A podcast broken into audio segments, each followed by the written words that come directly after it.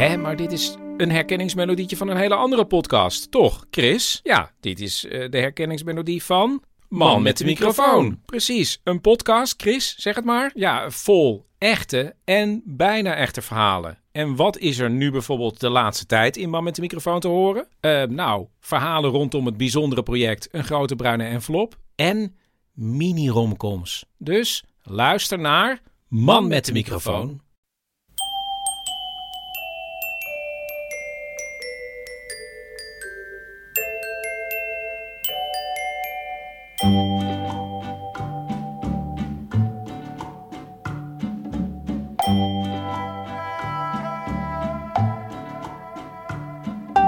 Welkom bij aflevering 166 van de Echt Gebeurd podcast, waar waargebeurde verhalen worden verteld door de mensen die ze zelf hebben meegemaakt. In deze aflevering het verhaal van Jet Berghout. Thema van de avond was vriendschap.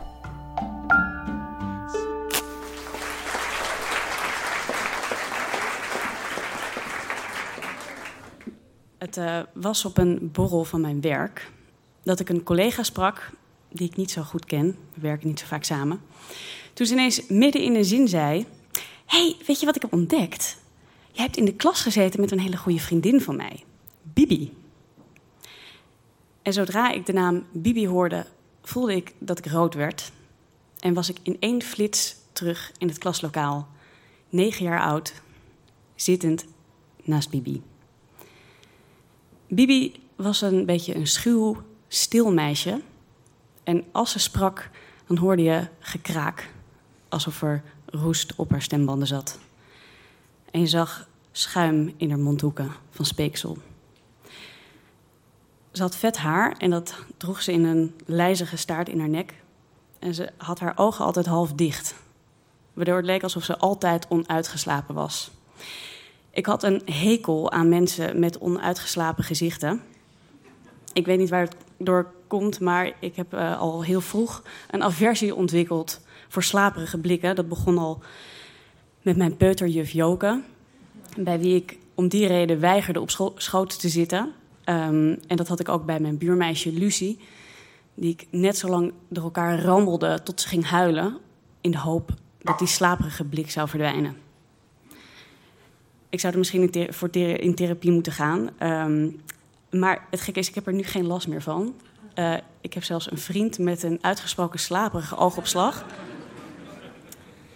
Misschien is dat nog interessanter voor psychologen. Maar um, toen ik negen was, had ik er nog wel last van. Het liefst zou ik Bibi ook flink door elkaar rammelen. Maar dat kon niet, want ik had Bibi nodig. Om twee redenen. Ten eerste had Bibi zelf weinig vriendinnen. Ik had er een paar, maar ik was niet uitgesproken populair. En Bibi was iemand die je altijd achter de hand kon houden. Als je niemand anders had, dan had je wel nog Bibi. Zij was mijn jokervriendin. En ze vond het ook niet erg dat ik er alleen dan even aardig bejegende. Maar ik had in die tijd ook de ambitie om in alles de beste van de klas te zijn. En ik was in heel veel dingen het beste van de klas, alleen niet in topografie. Bibi blonk uit in topografie. Dus altijd als er een overhoring naderde, dan dacht ik, ik hou de vijand dichtbij. En dan zorgde ik voor dat Bibi mij net zo lang overhoorde tot ik het even goed kende als zij. Ik heb me wel eens afgevraagd of Bibi mij heeft gezien als een vriendin. Ik ben één keer bij haar thuis geweest en ik herinner me nog dat ik me vergaapte aan de Barbies die Bibi had. Ik had zelf één Barbie dat was het afgedankte exemplaar van mijn zus met viltstift in het gezicht. Bibi had de hele collectie Barbies. Allemaal puntgaaf. En ze had het Barbie-kasteel. Ik kende niemand met het Barbie-kasteel. En ik overwoog oprecht om de vriendschap met Bibi misschien wat te verstevigen om die reden.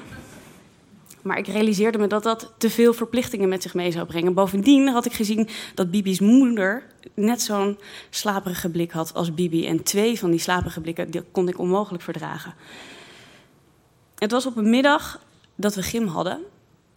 En we hadden gym niet in ons schoolgebouw, maar in een ander schoolgebouw. Dat was een minuut of tien lopen en daar moesten we altijd getweeën heen lopen. dat ik zag dat Bibi met mij wilde oplopen, maar ik deed alsof ik dat niet zag. Want ik zag dat Linda nog met niemand liep. En Linda was mijn droomvriendin. Linda was een charismatisch meisje met een energieke, pittige oogopslag. En ze was heel erg grappig. Iedereen moest heel erg lachen om Linda, maar ik nog het allerhardst. En ik probeerde ook altijd een beetje zo haar na te doen. Net zo grappig en net zo gek. En dat lukte me niet. Maar in de schaduw van Linda vond ik het al heerlijk toeven. Ik liep met Linda naar gym. En ik zag dat Bibi zich achter ons had gevoegd. Maar dat negeerde ik. Toen Linda een superleuk plan had. Uh, we zouden namelijk heel raar gaan lopen. We gingen onze benen in de lucht gooien. We gingen hinkelen. We gingen stampen. Het kon niet op. Heel wild. Ik deed minstens even wild mee. En op een gegeven moment, het was hilarisch, hoorde ik Linda zeggen: Goed zo, Bibi. Ik keek om en ik zag tot mijn verrassing dat Bibi ook meedeed. Ik grinnikte, want uh, ja, als Linda en ik het deden, dan zag het er gewoon heel raar uit. En als Bibi deed, dan zag het er heel raar uit. En toen zei Linda, weet je wat, we gaan er ook rare geluiden bij maken. Dus we gingen loeien, we gingen gillen, we briesten, we loeiden. En Bibi deed mee. Sterker nog, ik hoorde Linda weer zeggen, goed zo Bibi, goed zo Bibi. En toen ik omkeek, zag ik dat Bibi helemaal niet meer Bibi was. Bibi straalde. Bibi had haar schouders naar achter. Ze keek vier omhoog. En ik keek naar Linda en ik dacht, je meent het toch niet?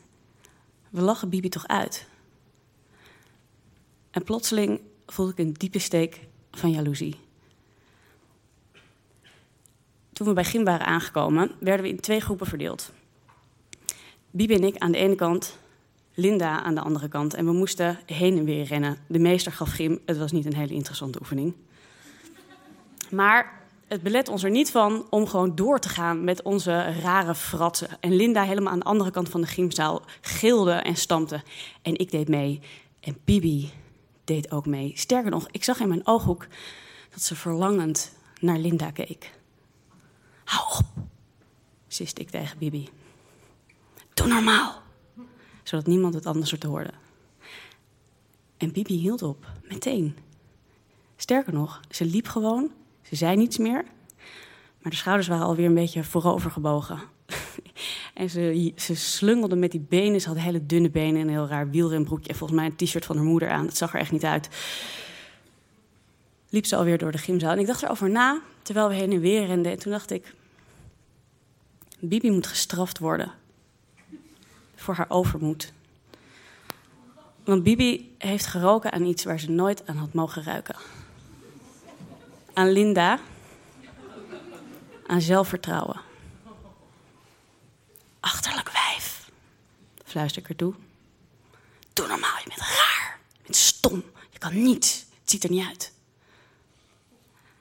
En al snel, veel sneller dan ik eigenlijk had gedacht, waren haar ogen opgezwollen. Kwamen er tranen uit en er kwam snot uit haar neus.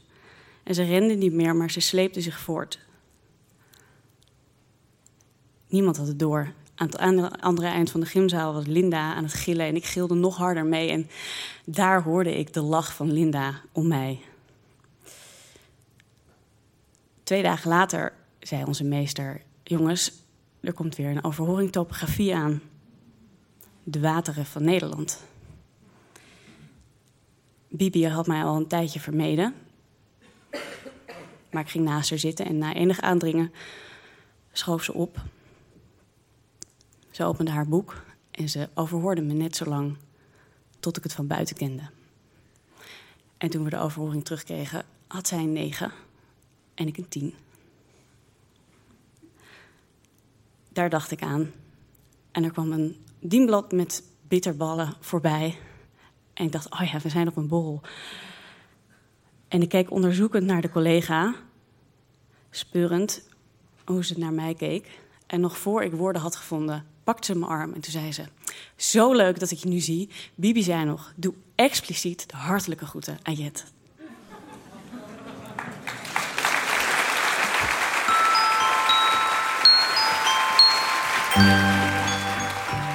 Dat was het verhaal van Jet Berghout. Jet is schrijver van het ideale vakantieboek De Thuishulp, maar ze is ook radio- en podcastmaker. En voor Afro Tros maakt ze momenteel de podcast getiteld Beethoven is meer dan een hond. Een soort spoedcursus door de klassieke muziek. Ideaal dus om met de hele familie op vakantie in de auto naar te luisteren. Beethoven is meer dan een hond is net als deze podcast terug te vinden via iTunes. En als je meer wil weten, ga dan naar jetberghout.nl. In aflevering 165 van de Echt Gebeurd podcast, die van vorige week dus, kan je onder andere horen hoe Jet dit verhaal voorbereidde, hoe ze het moest vertellen dus, met Pauline Cornelissen. In die speciale bonusaflevering van de Echt Gebeurd podcast kan je ook horen hoe Echt Gebeurd is ontstaan. Hoe we over verhalen vertellen denken en zelfs hoe de tune die je nu op de achtergrond hoort is ontstaan. Wij van Echt Gebeurd zijn inmiddels druk bezig ons op te maken voor het volgende seizoen. En daarom zijn er deze zomer even geen vertelmiddagen. Toch zijn er wel goede verhalen te horen in Toemler, de club onder het Hilton in Amsterdam Zuid, waar Echt Gebeurd altijd wordt opgenomen. Dat gebeurt tijdens het Comedy Train International Comedy Festival. Dat is stand-up comedy, maar sommige verhalen, vertellers, zijn ook comedians. www.toemler.nl om te kijken wie je daar kan verwachten. Mocht je zelf een keer willen vertellen of iemand kennen die dat kan, ga dan naar onze site. Daar staan alle thema's voor volgend jaar. De redactie van Echt Gebeurd bestaat uit Maarten Westerveen, Rosa van Toledo, Paulien Cornelissen en mijzelf, Mieke Wertheim. De techniek is in handen van Nicolaas Vrijman en Gijsbert van der Wal. Echt Gebeurd wordt ondersteund door de vriendelijke mensen van Bunker Theaterzaken. Zo, dit was aflevering 166 van de Echt Gebeurd podcast. En vergeet niet dat als je weer eens zwaar over je eigen handelen oordeelt, de kans groot is dat een ander zich jou veel mooier herinnert dan jij jezelf.